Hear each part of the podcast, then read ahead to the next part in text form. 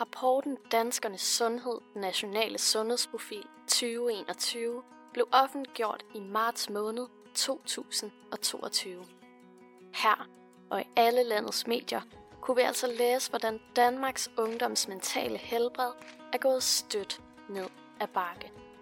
Eller rettere sagt med 8 procentpoint de seneste fire år. Men hvordan kan det være, at en af verdens mest privilegerede samfund har en ungdom, der lider? Med alle muligheder for hånden, hvorfor er vi så så mange, der er angste, stressede eller deprimerede? Er vi i virkeligheden bare privilegieblinde selvoptagede perfektionister?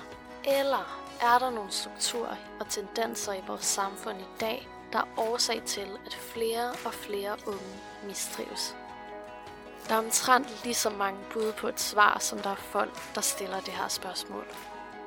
I min research har jeg på de danske medieplatforme kunnet læse artikler, kronikker og debatindlæg med bud på, hvordan den danske ungdoms mentale mistrivsel skyldes alt fra præstationssamfund, individualisering, uopnåelige idealer på sociale medier, sygeliggørelse via diagnoser og sidst, men ikke mindst, slet og ret, hvordan de danske unge altså bare skal tage sig sammen.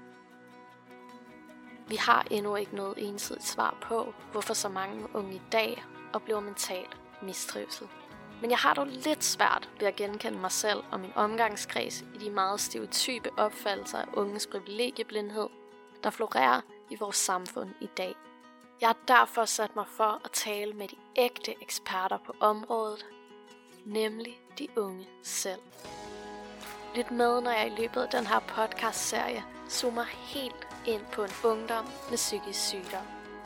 Jeg vil fortælle min egen historie, invitere andre unge ind og finde frem til alle de bedste råd til dig, der kæmper den samme kamp som os. Mit navn er Camilla Jæger, og det her er Skør Ungdom.